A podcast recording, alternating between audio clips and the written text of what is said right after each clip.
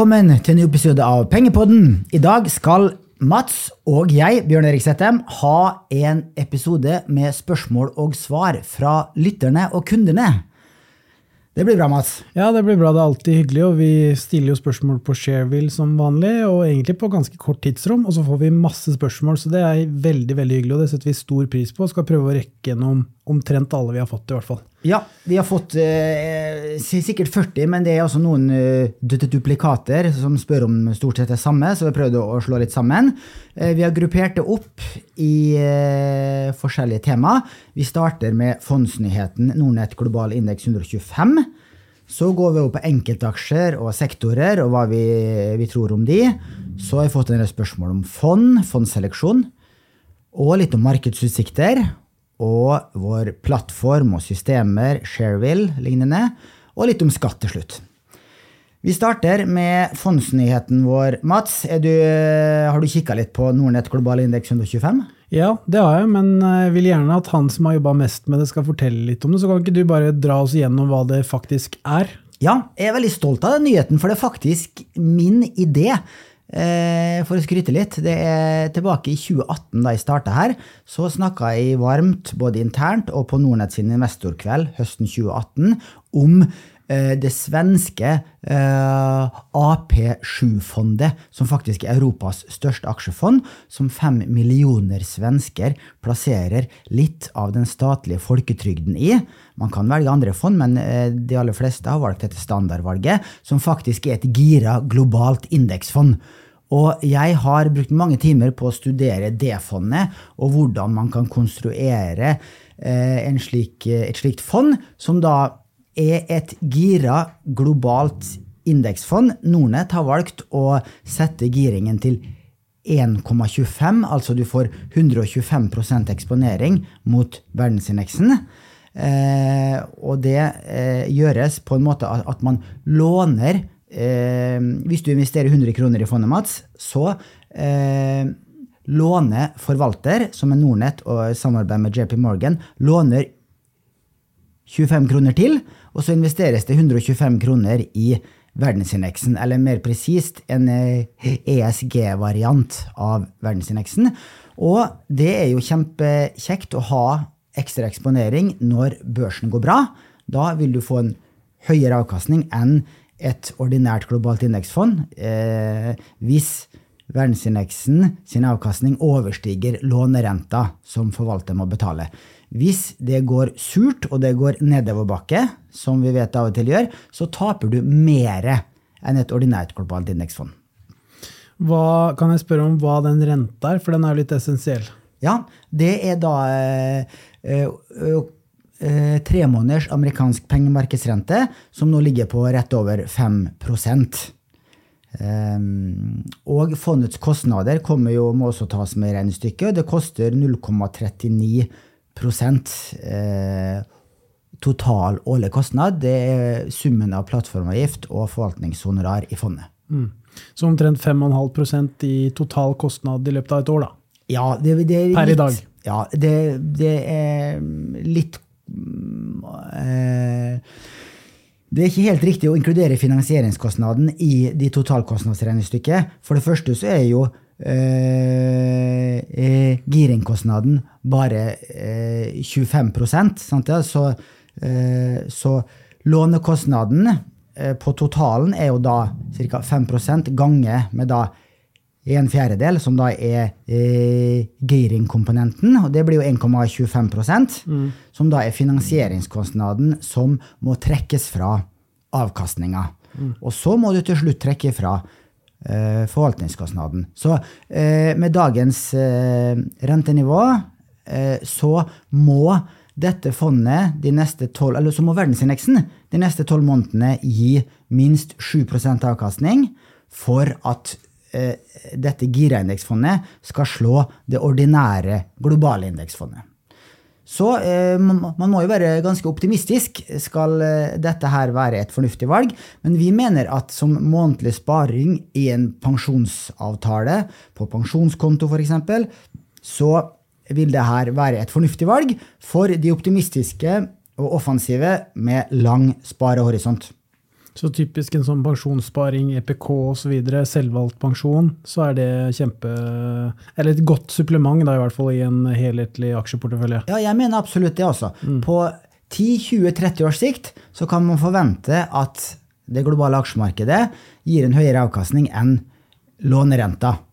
Eh, og, eh, men det vil jo komme perioder hvor eh, aksjemarkedet faller. Vi har både hatt fem- og tiårsperioder med negativ avkastning i det globale aksjemarkedet. Det vil vi helt sikkert få igjen, før eller senere. Og da vil det jo svi å sitte med et eh, sånt fond som det her, som gjør det dårligere enn enn andre globale indeksfond. Mm.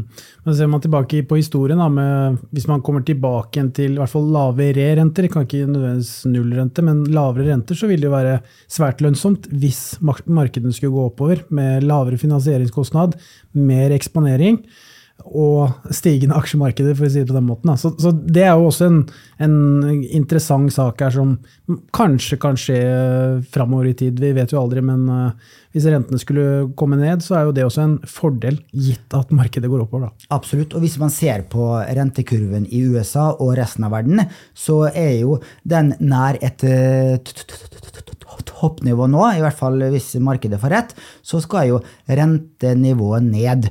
Og den 5 %-renta som er i øyeblikket, er jo forventa å falle både til 4 og 3 eh, noen år lengre frem. Det er bra. Ja, eh, da kan vi egentlig Vi har fått en del spørsmål her, og jeg fikk faktisk en spørs, eh, spørsmål om dette Nordnett eh, indeks 125 i går når jeg var i en butikk, Bjørn Erik. Så da håper jeg at eh, han hører på den poden her, så kan han jo forhåpentligvis få svar på det han lurte på. Det første spørsmålet fra Christian. Vil du selv investere i Nordnet, Nordnett global indeks 125? Ja, jeg har fått flere spørsmål om det her på Twitter. Eh, og eh, da har jeg svart, eh, som helt riktig, at eh, initielt så eh, vil investere, har investert, mellom 5 og 10% av min portefølje eh, i eh, Nordnett eh, global indeks 125. Det kommer frem på Shareville i disse dager, hvor jeg har tatt inn fondet i porteføljen min. Eh, og eh, den månedlige sparinga jeg har på eh, 4000 i måneden ca., det skal også inn i det 125-fondet.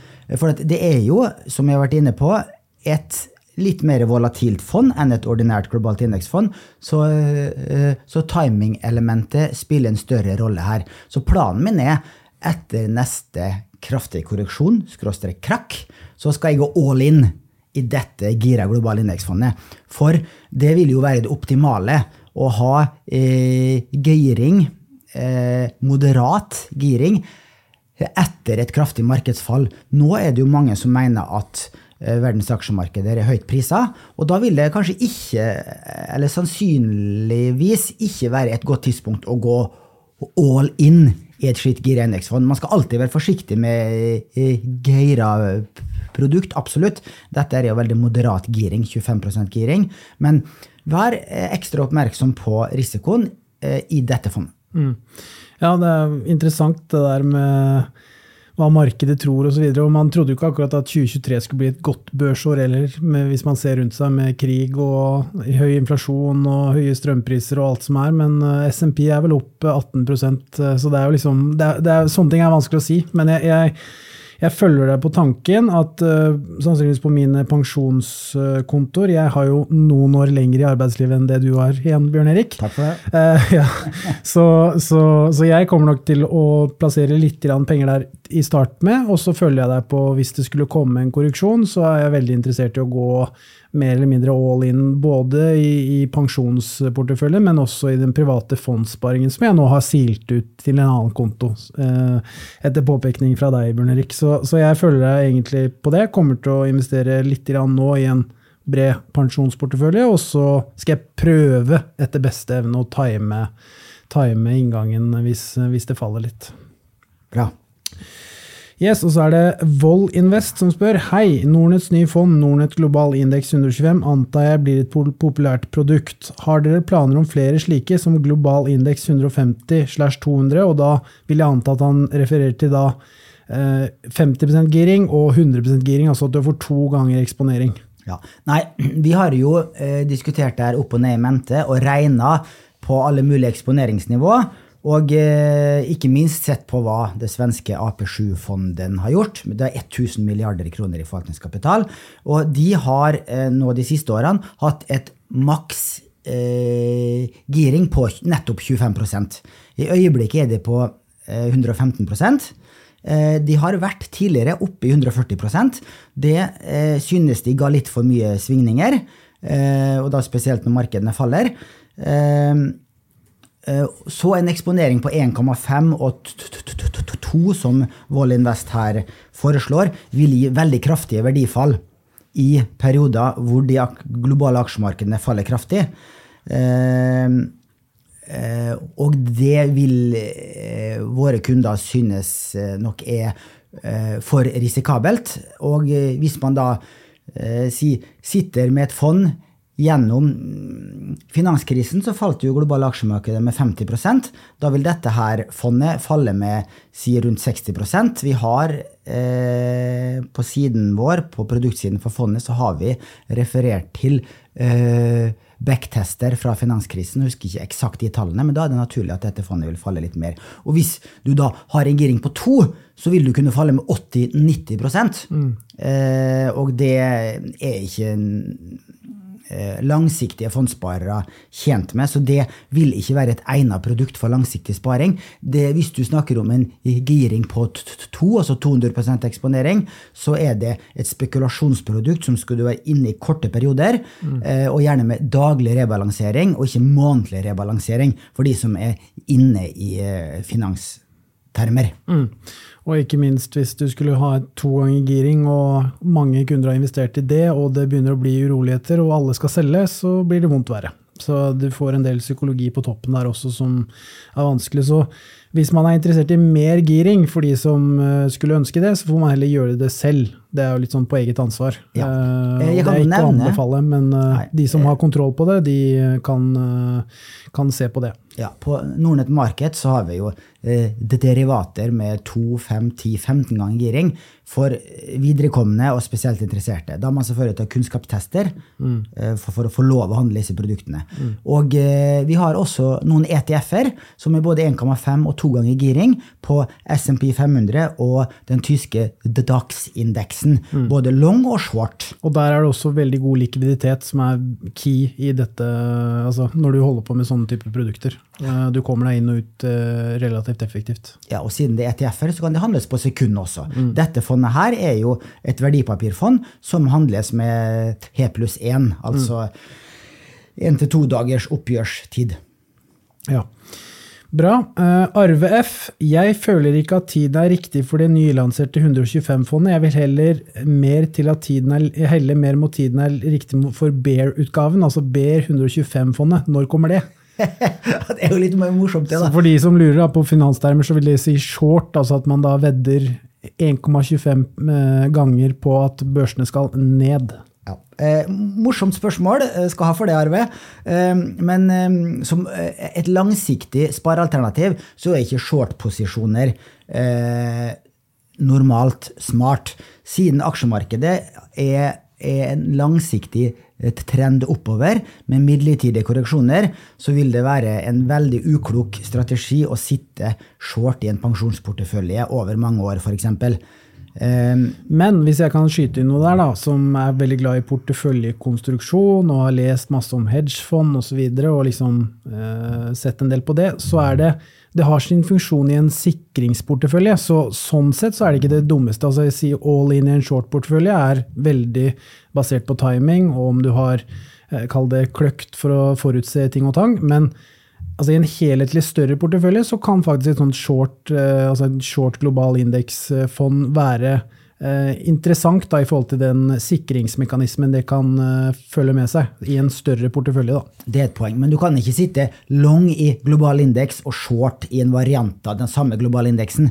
Da vil du slå i hjel hverandre og bare sitte igjen med netto kostnader. Absolutt, men hvis du har en større portefølje med enkeltaksjer, med ETF-er, med gull, råvarer, obligasjoner etc., så kan det være et supplement, da, bare Absolutt. for å spille inn litt på, på Arve sitt lag her. Du kan jo shorte aksjer og sektorer du ikke har tro på, og så gå long i aksjer og sektorer du har tro på. Mm. Det går an, hvis du er veldig veldig avansert. Mm. Eh, som jeg så vidt sa i sted, vi har jo eh, short-ETF-er på ETF-plattformen vår. Hvis du søker på Inverse, så får du opp flere Invers-ETF-er, som da eh, gir eh, positiv avkastning når aksjemarkedet faller. Både på SMP, DAX-indeksen. Vi har jo også den eh, ARK uh, Inverse. ETF-en også, uh, mm. som, vi, som, har gått som ei kule siden det teknologifondet til Katie Wood, ARK Innovation, har gått rett i kjelleren. Ja. Så har jo den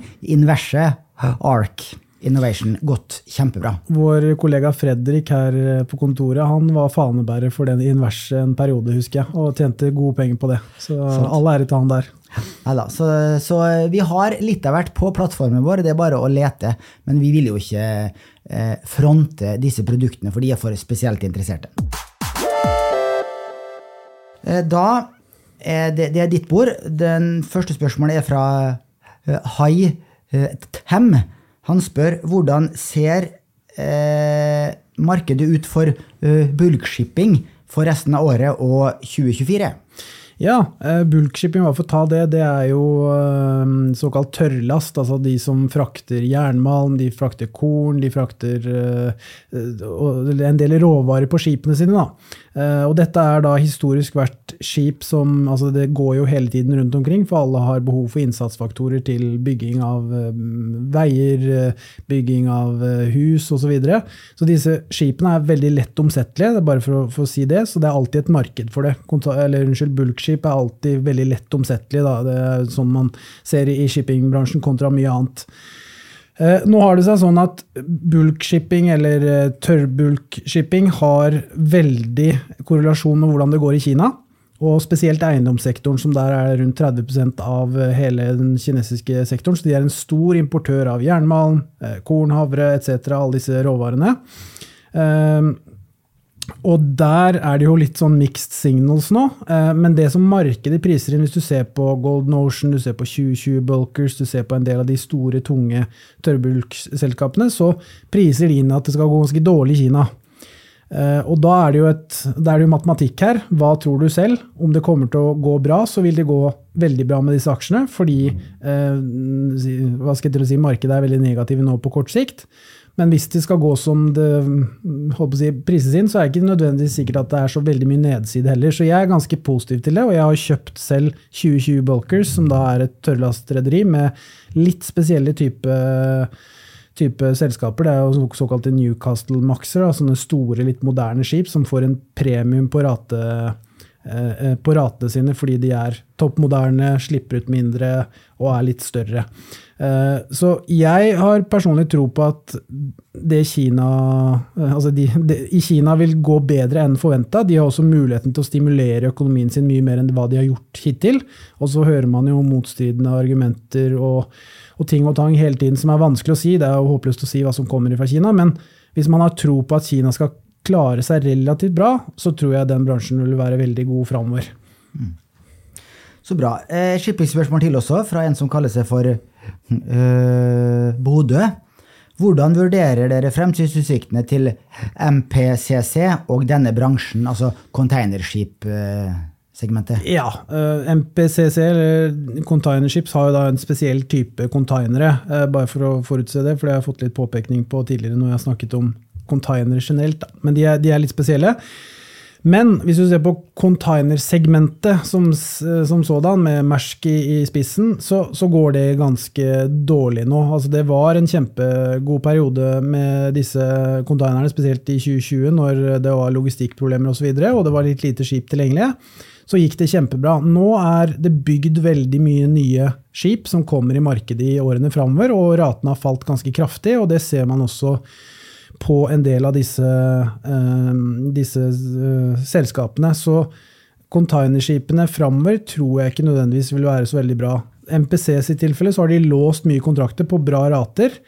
Men spotmarkedet i dag, altså det som det trader på, er mye lavere enn hva de har låst ratene sine på. Så når de da går av kontrakter, så vil de få mye dårligere inntjening på disse skipene enn hva de vil ha i dag. Da. Så, så jeg i hvert fall på relativt kort sikt ganske skeptisk til containermarkedet. Ganske positiv til shipping overall, altså de fleste bransjer, om det er LPG, om det er tank, om det er tørrbulk. Men akkurat i container så er det kommet så mye ny kapasitet, og kommer til å komme så mye ny kapasitet til markedet, som gjør at ratene vil automatisk falle. For det er det som er problemet i shipping.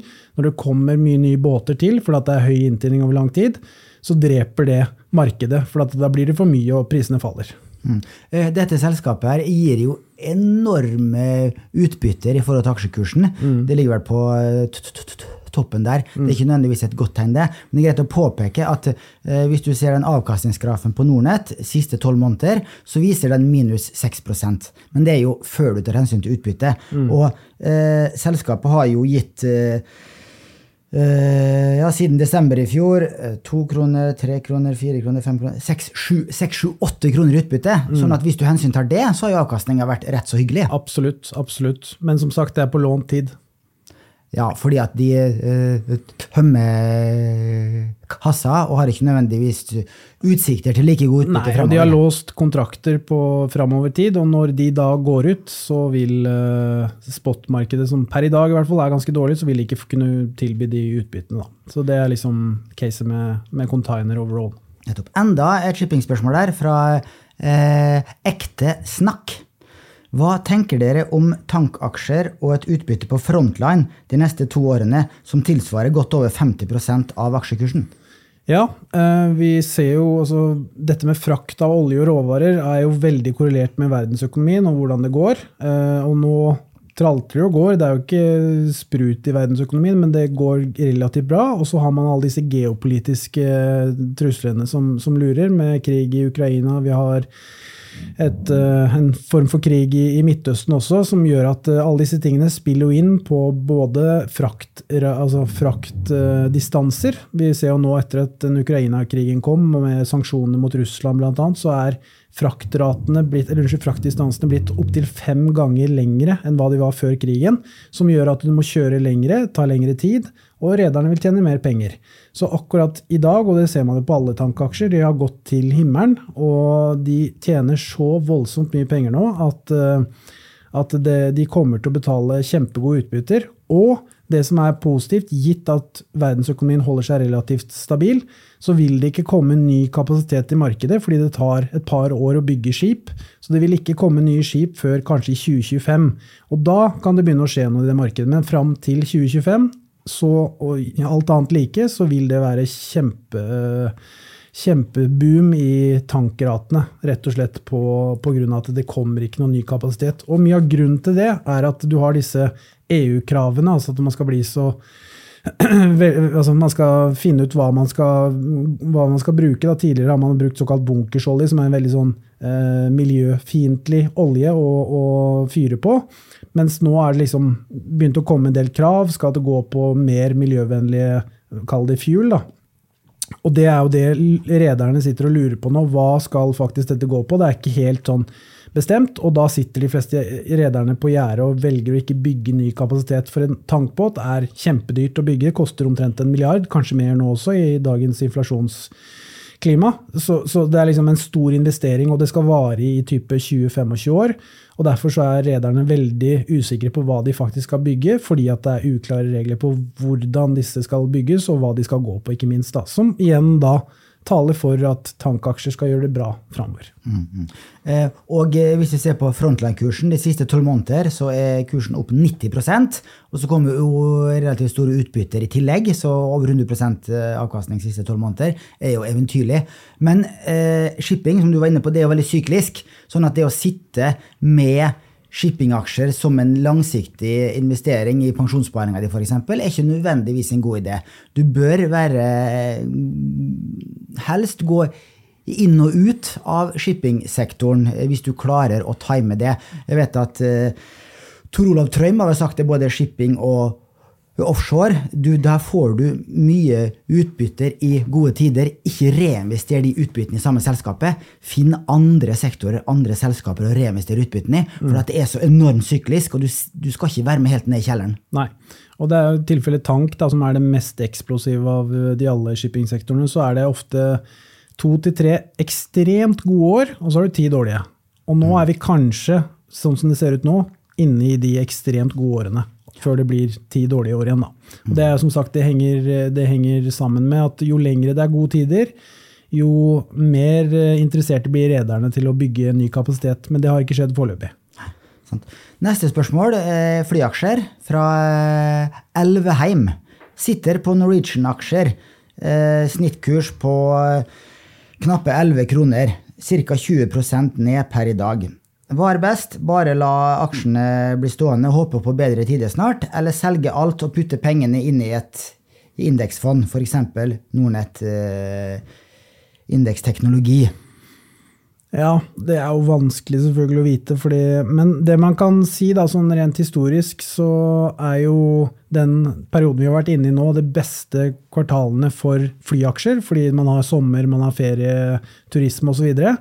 Eh, og tallene som kommer nå, vil sannsynligvis være altså, de, noe av de bedre, da, fordi man er inne i en veldig sterk sesong i forhold til eh, inntjening til selskapene. Men framover så vil jo man gå inn i et fjerde kvartal som er dårlig, første kvartal er også dårlig. Eh, og med høyere fuel-kost, det er høyere inflasjon, det er kanskje lavere reiselyst fordi at det er blitt dyrere for befolkningen, så ville jeg vært litt skeptisk til akkurat Norwegian. Nå er Norwegian blitt et helt annet selskap enn hva det var for bare noen år tilbake, med positiv balanse og sterke eiere. Eh, men allikevel så er det litt sånn som eh, Nå er jo ikke Roger her, men hans helt Warren Buffett sier jo det at eh, flyaksjer er vel noe du helst skal unngå, i hvert fall på, på lang sikt. så klarer du liksom å time en inngang og komme godt inn på hoppkanten der, og, og, eh, og, og gjøre, gjør en kule, så ville jeg på en måte gjort, eventuelt gjort korte klipp, men over tid så ville jeg nok kanskje vurdert å gått i et indeksfond, ja, fordi jeg er ikke så sikker på at eh, Norwegian skal være en god langsiktig investering framover. Hvis du ser på flyselskapet generelt i de siste 10-20-30 årene, så har det vært en dårlig investering. Ja. Jeg frister til å quote Richard Branson, som eier Virgin Atlantic. Uh, han har sagt det at if you want to be a millionaire, start with a billion dollars and launch a new airline. Ja, ja det er sant, det. Fordi fly, fly, tjener jo ikke penger før nøkkelen er vridd om og du er oppe i lufta. Alt annet er tap. Bare så det er sagt. Sant. Neste spørsmål eh, om eh, bankaksjer fra eh, Pain Cup at Time. Ja. Eh, hva tror dere om bankaksjer fremover? Masse, du liker bank? Ja, jeg har litt notater her på det. Jeg satt og regna litt på det i går. Og jeg har tatt for meg da eh, Det er riktignok ikke en bankaksje, men du har meglerhuset ABG. Eh, og så har jeg sett på DNB, og så har jeg sett på alle sparebankene på Oslo Børs. Eh, og hvis du ser på ABG, så handles de nå til tolv ganger neste års earnings, altså P12. Har en avkastning på egenkapitalen på litt over 20% og en bokført verdi på 2,9. Altså en bokført verdi på 1, så handler du en krone for en krone, og bokført verdi over, da, så betaler du mer for eh, egenkapitalen enn eh, hva den er prisa til. Og I tilfelle ABG så er jo de avhengig av børsnoteringer, de er avhengig av at uh, kunder handler og kjøper aksjer. Så det er jo sånn, et meglerhus, litt sånn som Nordnett. Uh, så der er det jo ganske tørke nå, med tanke på at det er lite børsnoteringer, det er lite som skjer, kanskje litt gjeldskonverteringer osv., men det er relativt stille. Så det er jo på en måte et segment som man er veldig sensitiv for hvordan markedet går, og spesielt rentene. Så der vil jeg på en måte, den sektoren vil jeg på en måte sette an litt, med tanke på at det, det er såpass stille nå. Eh, I tilfelle DNB, som kommer med tall denne uka her, så handles den på ni ganger neste års eh, inntjening. Har en avkastning på egenkapitalen på rundt 17% og du handler den da for 1,4 ganger bok. Altså 40% over de bokførte verdiene. da. Eh, det kan være egentlig relativt interessant, fordi DNB betaler kjempegode utbytter. Du får rundt 5 der i dividende. Og de har som sagt en god avkastning på egenkapitalen, har en strålende track record og leverer veldig gode tall. Og det vil de sannsynligvis også gjøre nå, med tanke på at eh, folk har jobb. Folk klarer foreløpig i hvert fall å betale boliglånene sine. Eh, og det vil jo tilsi at DNB vil tjene mye penger. Og det har det jo vært diskusjoner bl.a. på debatten på at det, det, har ikke gått upåvaktet hen. Eh, så, så, så, sånn sett så, så, er de priset helt greit. De er ikke billige.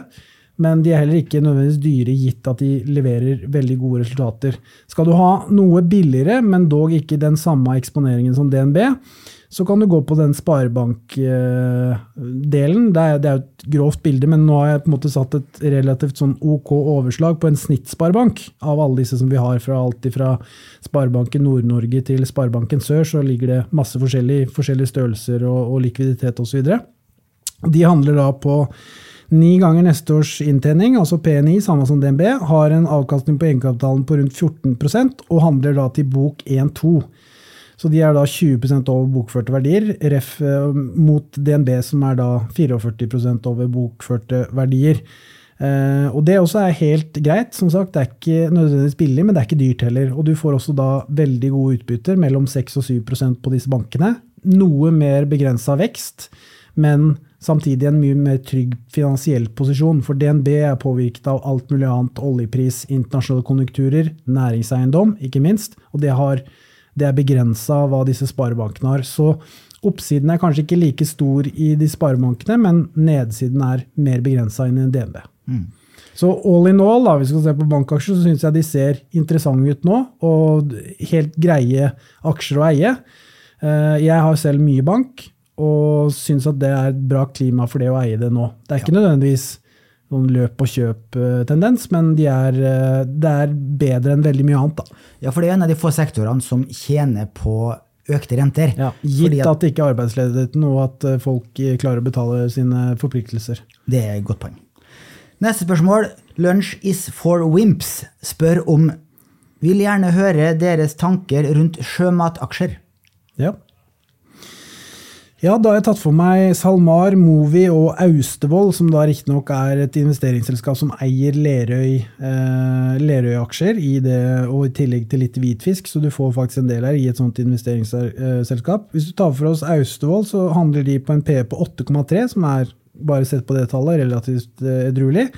De har en bokført verdi på 0,56, altså du betaler da 50 øre i markedet for 1 krone egentlig av egenkapitalen, så det er jo veldig interessant. Og så en avkastning på egenkapitalen på over 30 så det er, det er jo egentlig en, en billig sjømateksponering. da. Der får du som sagt mye Lerøy, og du får også en del hvitfisk i det konglomeratet der.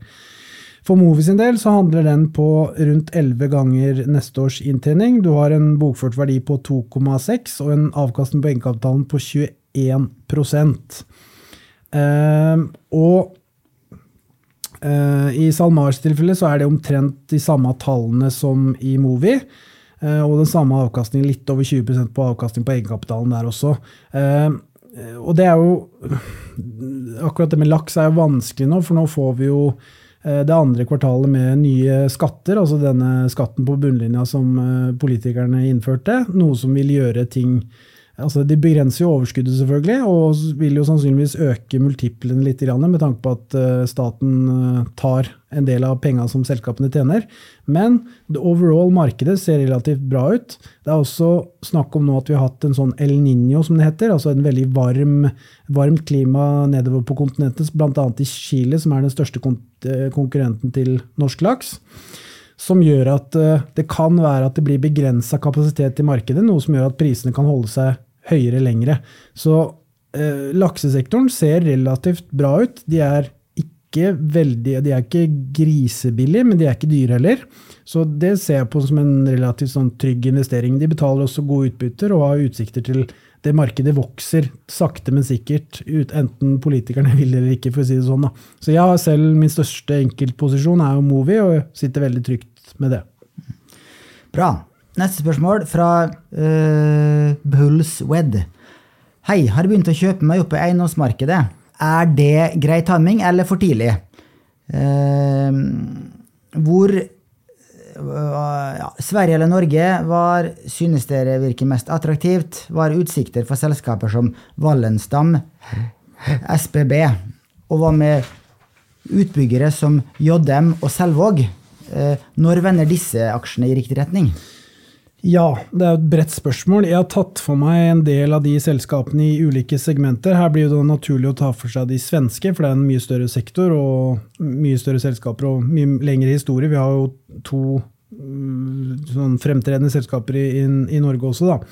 Så da har jeg tatt for meg eh, logistikkselskapet Sagax, jeg har tatt for meg boligbyggeren Balder i Sverige, og tatt for meg Entra, som da er det norske næringslivs... eh, næringsbo, næringsboligselskapet i og rundt Oslo. Og så har jeg tatt for meg Selvåg, som er en prosjektør. da, av, eh, altså De bygger på, på altså De utkontrakterer til boligprosjekter til type Veidekke osv., og, og, så videre, og så sitter de som prosjektledere. da. Eh, Så Sagax har jo da en yield på sin portefølje nå i dag på 6% De har en gjeldsgrad på 45% og de er ned 37 eh, siste året. Eh, Og nå kommer det jo tall snart, og alle sitter jo egentlig og venter på innenfor eiendom hvordan porteføljen vil, om den vil markes ned, for å si det sånn, altså om eh, markedsverdien på selve porteføljen vil justeres ned. Og hvis den justeres ned, så vil jo selvfølgelig gjeldsgraden stige, og gilden yielden vil jo således falle. Altså det vil ikke være like attraktivt eh, å investere i disse selskapene. Og det er jo egentlig det alt går på her. Om du ser på Balder, om du ser på Entra, så er, har jo de en gjeld på mellom 40 altså, og, Eller Balder til Selvåg, så er det en gjeld mellom 40 til 60 eh, og ganske sånn svake gilder fortsatt. Og hvis eh, man nedjusterer porteføljene enda mer, så vil jo gjeldsgraden stige. Noe som eh, er veldig negativt, da. Og så er det jo individuelle reforhandlinger i forhold til hva slags penger de låner til, og osv. osv. Men caset nå er jo å se på, når selskapene kommer med resultater, hvor eh, mye man, må nedskrive av porteføljen sin, og ikke minst da hvordan renteforventningene ser ut framover. Og sånn som jeg ser det, så syns jeg det eh, ser litt for tidlig ut, fordi det er en del detaljer som må komme, komme tilbake, og man, må, eh, man er nødt til å på en måte se litt hvordan disse porteføljene vil se ut, og markedsverdien på de, før eventuelt man kan føle seg relativt trygg på at det vil være bra. Så er det jo selskaper som er bedre enn andre. altså Sagax jo, har jo et moderat gjeldsnivå, Balder har et moderat gjeldsnivå, så kan tåle en del eh, tumulter, for å si det sånn. Men hvis ikke markedet kommer tilbake på på 12-15 måneders sikt, så kan det begynne å bli problemer, og selskapene må refinansiere osv. Det er det som er kanskje skrekken blant eh, investorene i dag, da, at de må reforhandle og, og tape enda mer penger. Det er jo få sektorer som har blitt ramma så hardt av den kraftige renteoppgangen som eiendomssektoren, eh, spesielt i Sverige, for der har du høyere gjeldsgrad. Eh, kan, jeg vet ikke om det er mindre andel av fastrenta, i hvert fall så, så går de fastrentelånene ut etter hvert og må refinansieres, og da eh, dukker det opp mye problemer. Eh, jeg tror jeg må arrestere deg på du sa at, at gilden eh, går ned, altså den eh, leieinntektene i forhold til eh, ø, børsverdien og eiendomsverdi går ned hvis eiendomsmassen nedskrives og aksjekursen faller. Da vil jo gilden gå opp da, hvis du har de samme leieinntektene. Beklager, beklager. Det er helt riktig. Bra du påpekte det. Eh, men hvis man ser på Og så er det som sagt, for å dra dette Det er jo forskjellige segmenter. Sagax driver med logistikk, som har en megatrend bak seg med at eh, det stadig blir mer netthandel osv. Eh, Og så har du jo kontor, som da Entra er en stor del av. Det er jo ikke nødvendigvis noe som har medvind. Det har jo slitt litt siden covid, egentlig, med tanke på at flere har hjemmekontor, mange selskaper skalerer ned osv. Og, så videre, og prisene har inne i spesielt sentrale businessdistrikter har jo steget voldsomt, så det er litt sånn, det er tøffere tider der. Og så har du Selvåg, som er en prosjektør av nye boliger. Og hvis man ser på nyboligstatistikken, spesielt i Norge, så er jo den kraftig ned. Det kom vel tall her i dag eller i går om at det var ned 30 eh, år for år. Og det har jo vært døden, for å si det på den måten. Eh, og det også skal man jo se på at type prosjektører som Selvåg, at hvis de ikke får solgt noen boliger og ikke får bygd noe, så vil de heller ikke tjene noe penger. Så det er jo liksom disse tingene som man også må sitte og se litt på om det kan bli en bedring. Og det er jo veldig mye knyttet til rentene. For akkurat nå så klarer de ikke å forsvare Eller altså de må ta en så høy pris for de nye boligene at folk orker ikke å kjøpe dem, for å si det rett ut, da, for det er for dyrt eh, å holde den finansieringskostnaden. Så det er alt avhengig av rentene, og jeg tror jeg ville sett i hvert fall 3Q-tallene før jeg eventuelt ville bestemt meg for å investere i, i eiendom. Ja, og, det, og når Norges Bank eh, signaliserer tydelig at rentetoppen er nådd, og at neste renteendring vil være ned, da tenker jeg det er et godt tidspunkt for å gå inn i hvert fall norske eiendomsaksjer. Og når det samme skjer i Sverige, så vil det kanskje være et gunstig tidspunkt å gå inn i svenske eiendomsaksjer. Mm. Også litt avhengig av uh, hva du skal inn i. Skal du inn i, kall det vi var inne på JDM her, også boligbyggere, så er man jo litt avhengig av råvarepriser. Man er avhengig av inflasjonsfaktorer også i forhold til innsatsfaktorer, så det er jo liksom litt større bilde, da. Men ref en kontorutbygger som Entra, så vil jo de være mye kjappere på å reagere på, på, rentene, da, med tanke på at de bygger jo ingenting og tar ingen risiko sånn sett. Jeg kan ta et spørsmål til om eh, eiendom fra Maroy. Eh, som er relatert. Er det på tide å laste opp igjen i eiendomsfond? Hvem tror dere vinner veddemålet av Thomas Nilsen eller Marius Borten? Det var litt interessant, det veddemålet. Ja. Det starta jo på Twitter, og så ble det forside av Finansavisen. Ja, jeg så det. Ja, Thomas har jo skin in the game. Han satt vel halvannen million kroner inn i det eiendomsfondet han eh, forvalter, First Real Estate. Det står respekt av det, Bjørn Erik? Ja, det gjør det. det er, ehm, jeg trodde jo det var penger som man fikk fra suksesshonoraret på, på First Veritas-fondet, som han også forvalter, men det var ikke det. Han har solgt leiligheta si og leier leiligheten nå en stund sammen med sin kone mm. eh, og barn. Det var en jævla så, fin leilighet, bare for å si det. Ja, det tviler ikke på. Der. Eh, og jo, bare for å forklare veddemålet, da. Eh, det starta med at, eh, med at eh, eplekjekke Thomas la ut en eh, forsidebilde av en annen forside i Finansavisen, hvor det sto 'Stjerneforvalter Marius Borten rigger seg for børskrakk'. Og det hadde ikke han fått med seg da. Eh, og da hadde han akkurat investert da, halvannen million i sitt eget eh, nordiske eiendomsfond. Og da eh, utfordra Borten han til et eh, veddemål, og de ble enige om å vedde på om eh, aksje, eller fondskursen i eh, First Nordic Real Estate er høyere eller lavere ved nyttår enn den er per 10. oktober, altså for ei ukes tid siden. Og eh, Borten, som da tror på en kraftig korreksjon i aksjemarkedet, eh, vedda jo en, en, flaske Magnum Chablis, var det vel, på at eh, fondskursen var lavere ved nyttår. Mens eh, Thomas, som eh, har akkurat investert halvannen million kroner i fondet, tror jo på oppgang frem til nyttår. Hva er din magefølelse, Mats? Hvem vinner eh, Chablisen? Mm. Uff det er vanskelig å si. Uh, jeg tror muligens sporten har en edge der, altså. Men Thomas skal ha virkelig for uh, skin in the game og pågangsmot. Så det trenger vi jo. trenger jo optimister også. Men uh, og så er det jo selvfølgelig litt vanskelig å vite. Da. I Sverige så skjer det jo kanskje ting raskere. Det er en mer moden eiendomssektor osv. Så, videre. så det kan være at han har Og han sitter jo og ser på dette hver eneste dag. Det gjør jo ikke nødvendigvis jeg. Men uh, jeg tror muligens at han Borten kan uh, ta seg en god fyllekule med den der magnumen uh, nærmere jul.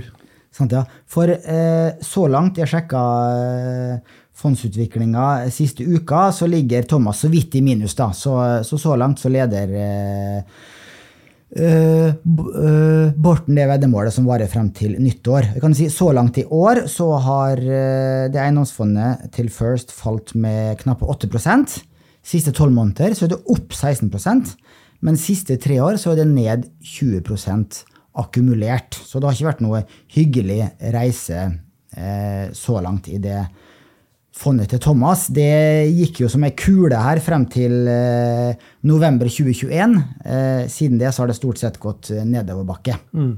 Samtidig så er man nødt til å være litt kontrær skal man prøve å tjene store penger. Så sånn sett så er det jo veien å gå. Om det er riktig timing, som is, time is everything, det er vanskelig å si. Men eh, i hvert fall kult at de gjør det, og det er gøy å se at en forvalter ordentlig trøkker på gassen og satser på seg selv og sitt eget fond. Det skal han ha all respekt for. Helt enig. Og av skjermrumpene så, så jeg at han kjøpte fondet via Nordnett-plattformen òg, så det er jo ja, hyggelig for oss. Ja, ja, absolutt. absolutt.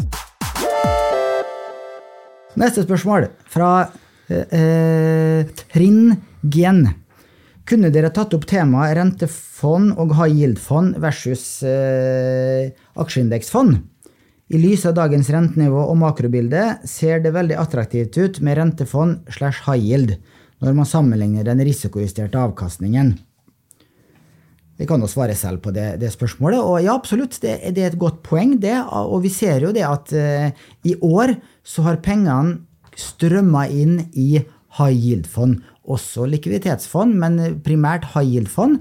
Det er jo nettotegning for er det rundt 2,5 milliarder kroner Nordnetts eh, personkunder har gjort i, eh, så langt i år i rentefond, og da primært high yield. Og i aksjefond så er det bare rundt 300 millioner kroner i nettokjøp, og det inkluderer jo også indeksfond, som da er aksjefond. Eh, så det er tydelig at våre kunder er helt enig med deg. At det er god timing for high yield-fond nå. Nå får du en effektiv rente på 9-10% i disse high yield-fondene.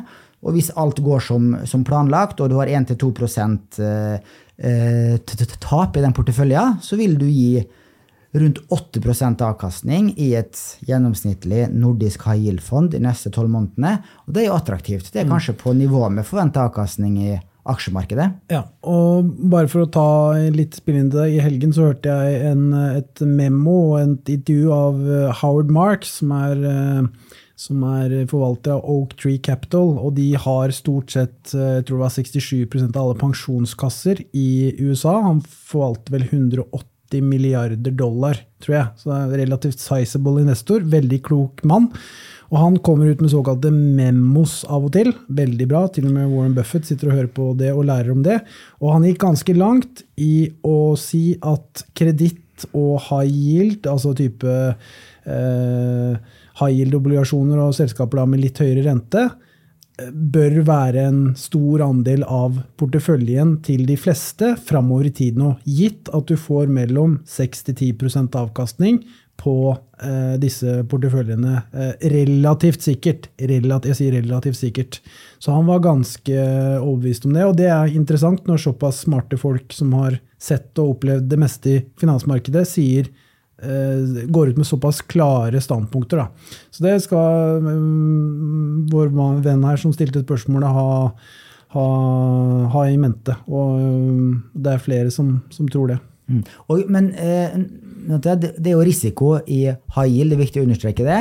Absolutt. I mars 2020 så falt jo de nordiske high yield-fondene med 20-25 som var om lag like mye som eh, Oslo Børs falt med. Mm. Men det tok ganske kort tid før eh, de var oppe på gamle toppnivåer. Snittet var vel mellom 6 og 12 måneder før de er oppe på gamle toppnivåer igjen. Mm. Men du bør jo ha minst si, treårshorisont da, hvis du skal kjøpe et high yield-fond, for å være sikker på at du, du, du får, ganske sikker på at du får igjen pengene dine. Ja, og mye av high yielden i Norge, altså det er et veldig godt Eh, high yield-marked i Norge, men det er veldig sentrert rundt olje og offshore, og da er man jo veldig avhengig av hvordan det går i den sektoren. Howard Mark snakket jo da mer om globale, det globale high yield-markedet, og da får du en mye større spredning i forhold til selskaper og sektor osv., så, videre, så det er jo således sikrere. Da. Det er litt det samme som å kjøpe et aksjefond på Oslo Børs kontra et globalt indeksfond, at du får mye større spredning. Så det var bare, bare, for å presisere det, da. Ja, og jeg kan også eh, legge til at på, på riktig lang sikt, hvis du skal pensjonsspare, så vil jeg ikke anbefale deg å ha en, en høy andel i et high, high yield-fond-universet. Fordi at eh, langsiktig historikk eh, Vi har jo vist en graf fra Holberg-fondet som viser historisk avkastning i amerikansk high yield og amerikansk aksjemarkedet de siste 30 eh, årene. Der har amerikanske aksjer gitt rundt eh, 10% årlig nominell gjennomsnittlig avkastning, mens high har gitt 7,5% Samtidig som at du får 7,5% relativt sikre penger, og du er lenger oppe i betalingskjeden om det skulle være problemer. Så det er, jo, det er jo en eh, forsikring her også som er viktig å se på. Og så er det litt ut ifra tilpasningen hva du eh, selv ønsker. Eh, og hvis du da kan få mer eller mindre garanterte penger på 2-3 prosentpoeng lavere enn aksjerisikoen, så kan jo det være interessant på i hvert fall i dagens klima, Bjørn Erik. jeg snakker jo veldig sånn, Du er glad i å snakke om historie, men jeg snakker jo litt sånn i dag og framover. Eh, fordi aksjemarkedet er prisa veldig høyt. Du har en veldig lav earnings yield på aksjer i forhold til renter nå. Den er på omkring en prosent. Og det er før estimatene som kommer nå i, i, tredje kvartal, som kanskje er også for høye. Så du, du, har en historisk veldig lav risikopremie av å være investert i aksjer nå, kontra f.eks. høyrenteobligasjoner. Så det skal man også ha i mente i dag. da. Det er poeng. Eh, de aktive sparerne som eh, driver og overvekter og undervekter aktive klasser og sektorer, eh, eh kan absolutt eh, vurdere en en høyere andel i high yield-fond.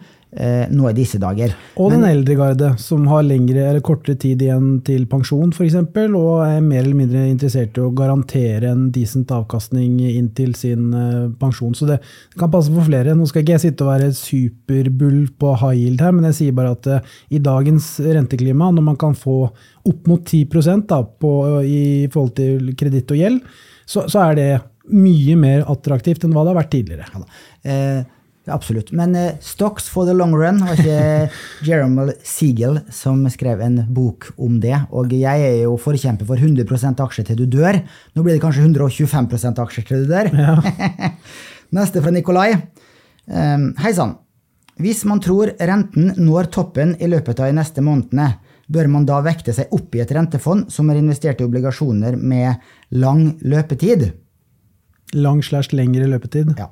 Sant? Og ja da, du, vi har mange smarte kunder, vi, eh, Mats. Absolutt. For eh, hvis du tror på at, eh, på at eh, rentetoppen er nådd i nær fremtid, og vil falle, så vil det jo være fordel å sitte med obligasjonsfond med lang rentebindingstid eller lang durasjon. Eh, vi har ikke så stort utvalg av de obligasjonsfondene med lengst durasjon. Vi har f.eks. Eh, KLP obligasjon fem år, som da har en rentebindingstid, altså en fastrentelån med rundt fem års fastrente. Vi har også Alfred Berg Nordic Investment Grade, grade Mid Duration, som har mellom tre og fire års rentebindingstid. Og i en podkast for en måneds tid siden som heter 'Hvilke rentefond bør du velge?', der snakker jo eh, jeg og min kollega Stian om eh, et amerikansk eh, rentefond, eller rente-ETF, som investerer i 20 års amerikansk statsobligasjon. Det heter iShares Treasury Bond 20 Years Usage ETF. og denne Rente-ETF-en har da 20 års rentebindingstid, og der har du enorme svingninger. Du har faktisk like store svingninger som i et, eh, i et aksjefond, eh, fordi at du har så lang rentedurasjon. Og den har jo eh, gjort det elendig nå siden rentebunnen i 2020. Og verdien har jo halvert da, de tre siste årene. Og den har gått ned 6% siste måned nå, så jeg. Og hvis du tror når rentetoppen er nær i USA, så kan du jo få kanonavkastning eh, i, et, i, et, slikt langt renteprodukt. Får du feil, og rent, langrentene stiger videre, så vil den fortsatt gi negativ avkastning. Bra.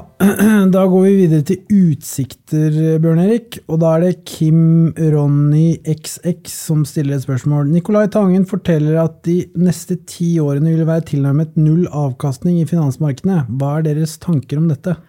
Ja, altså Her er jo en høne å plukke med deg, kjære Nikolai. Eh, ja, vi har invitert deg i poden flere ganger her, men du har takka nei så langt. Men nå må du komme her snart. Fordi at eh, for litt over et år siden, det var vel august-september eh, i fjor, så uttalte du det til Nettavisen. Og det har vi også tatt opp på Pengepodden her, Mats og Roger og jeg. Da ble han sitert på at 'jeg tror at over de fem til ti neste årene så vil du ikke tjene penger noe sted'. Og da mente han jo både aksjemarkedet og eiendom eh,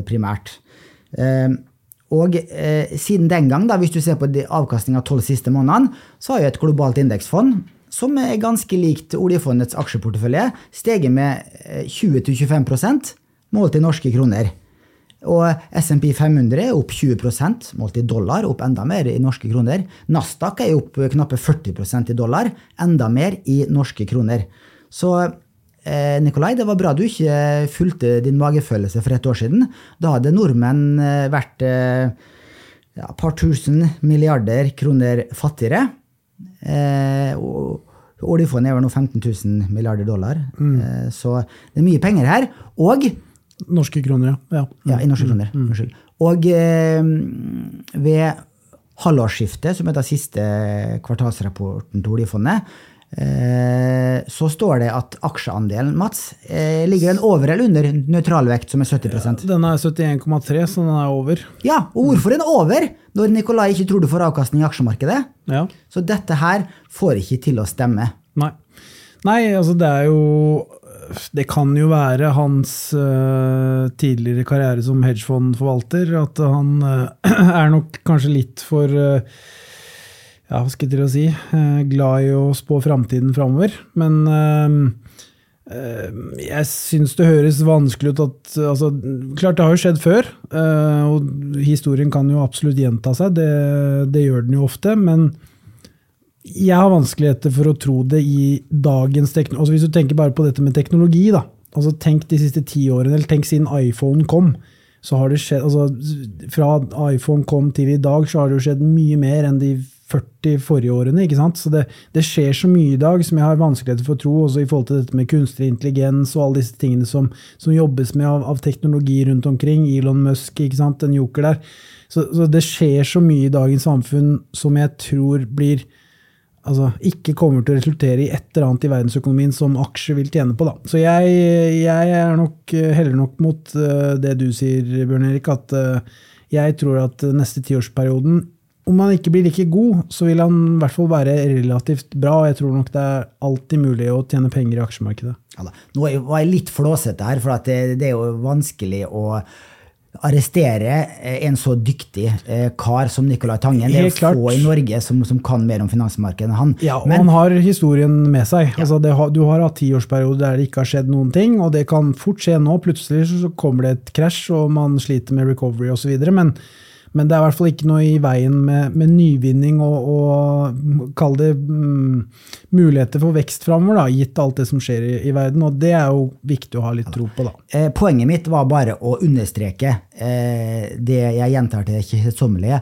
at timing er vanskelig. Og du har sannsynligheten imot deg mm. hvis du skal drive og gå inn og ut av markedet. Mm. Det viser jo eh, den uh, uttalelsen til Nicolai Tangen som han kom for litt over et år siden, når aksjemarkedet har uh, fortsatt videre oppover kan bare referere til en, en statistikk på SMP 500-indeksen nå, eh, de siste 100 årene, som, som, vi har lagt ut på nettsiden vår eh, til tider, som, eh, som viser det at ja, det er 5% av tiårsperiodene på, i det amerikanske aksjemarkedet som har gitt negativ nominell avkastning.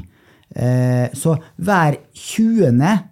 rullerende tiårsperiode de siste 100 årene har gitt negativ avkastning. Mm. Så hvert 20. år så får Nicolai Tangen rett, hvis mm. historien gjentar seg. Men da er det vanskelig å treffe det 20. året. Da er det mye lettere å si at ja, de øvrige 19 årene så gir faktisk eh, SMP 500 uh, positiv avkastning, og snittavkastninga i denne perioden her har vært på Eh, rundt 10 eh, nominelt de siste 100 årene.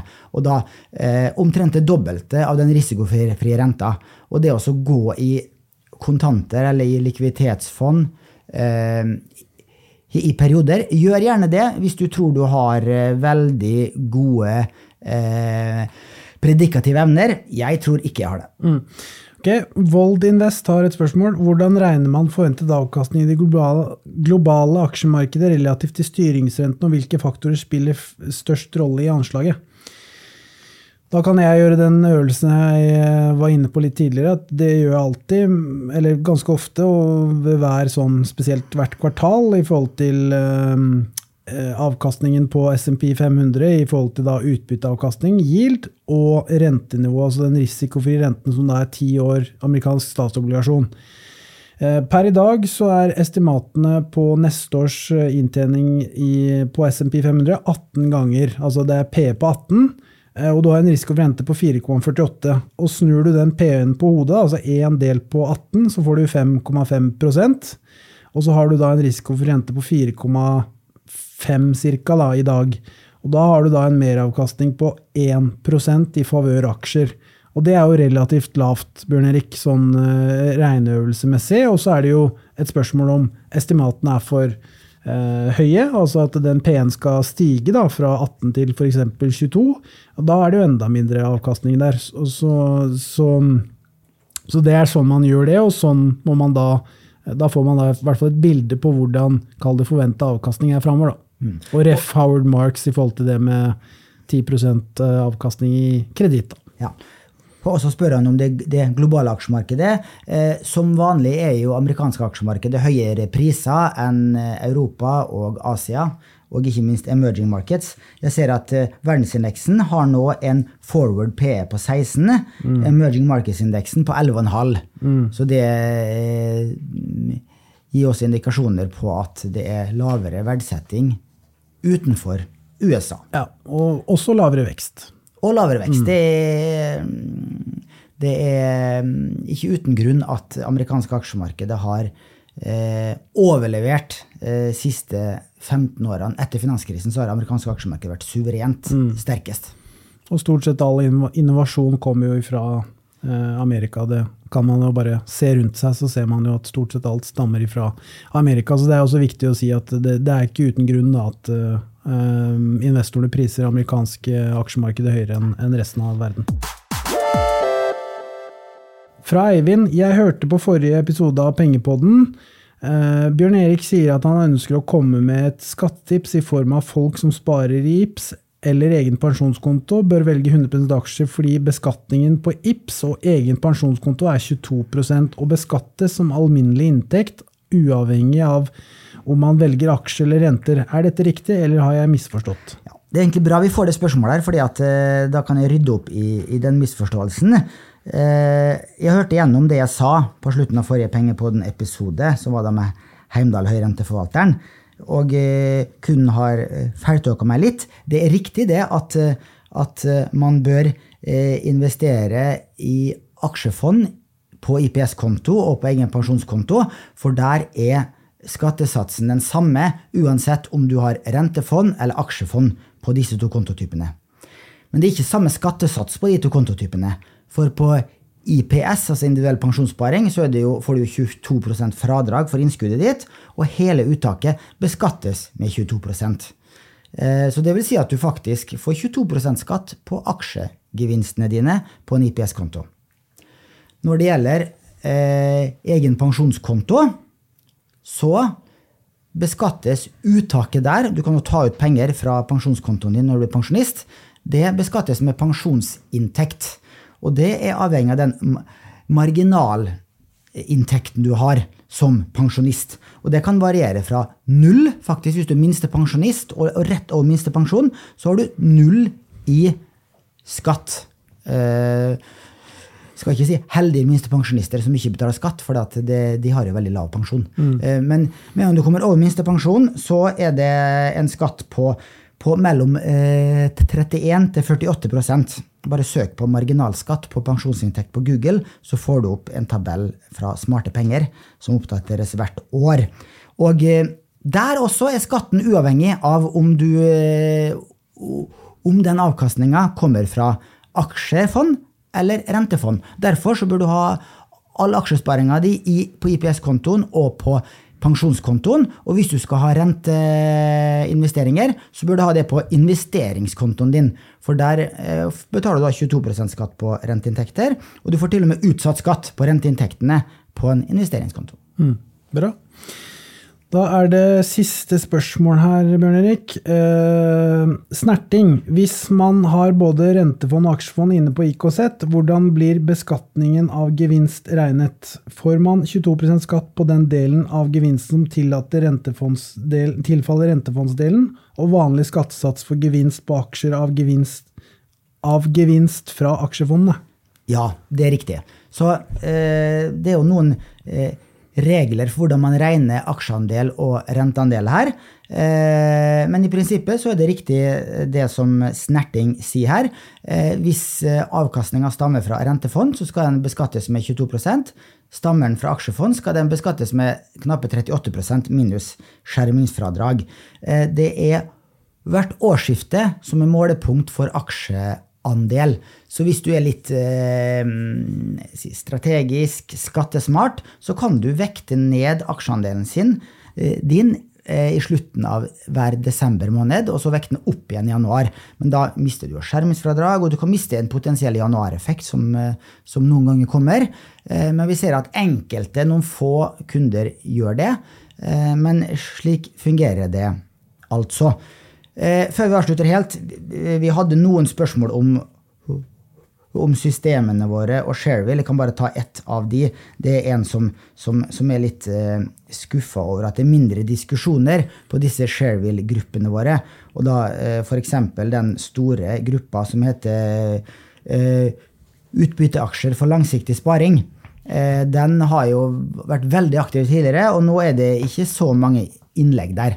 Og ja, eh, jeg skjønner jo det, at, at eh, det er en ulempe med den nye Shareville-løsninga, som nå er eh, integrert på Nordnett-plattformen. Eh, det er en stor fordel hvis du går inn på enkeltaksjer og fond. Der kan du diskutere enkeltaksjer eh, rett inn på Nordnett-plattformen. Eh, både på, via PC og via eh, appen på telefon. Eh, du får også og da får du mye mer diskusjoner om enkeltaksjer og enkeltfond. Og jeg ser f.eks. at han forvalteren i Heimdal Høyrente, han Erik Hagerup, vi hadde på besøk her nylig, han de, eh, legger ut nye kjøp han har gjort i fondet, svarer Nordnett-kunder på spørsmål de har og sånn. Og det er en mye bedre interaksjon der. Mm. Men på gruppenivå så er jeg enig, der er mindre aktivitet, for det er ikke så mange som er inne på Shareville-siden lenger. Du har eh, Shareville-gruppene du er medlem i, inne på Nordnett-siden på PC, men inne på appen på telefon så har ikke gruppene kommet ennå. Mm. Det er vel noe vi vurderer. Men alle til lags kan ingen gjøre. Vi eh, gjør vårt beste hele tiden og utvikler eh, Shareville og Nordnett-plattformen og appen eh, daglig. Så med det så tror jeg vi runder, Mats. Vi gjør det. Kjempegøy, Bjørn Erik. Tusen takk til alle som sendte inn spørsmål. De som ikke fikk eh, svar på akkurat sitt spørsmål, kan sende inn neste gang. Takk til alle som hørte på. Ha det bra. Penger, penger, penger, penger, penger, penger, penger, penger, penger, penger.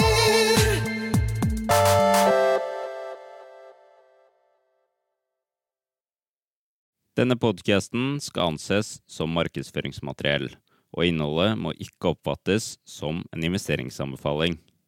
Podkasten er kun ment til inspirasjon og informasjonsformål. Nornett tar ikke ansvar for eventuelle tap som måtte oppstå ved bruk av informasjonen i denne podkasten. Les mer på disclaimer-siden på nordnett.no.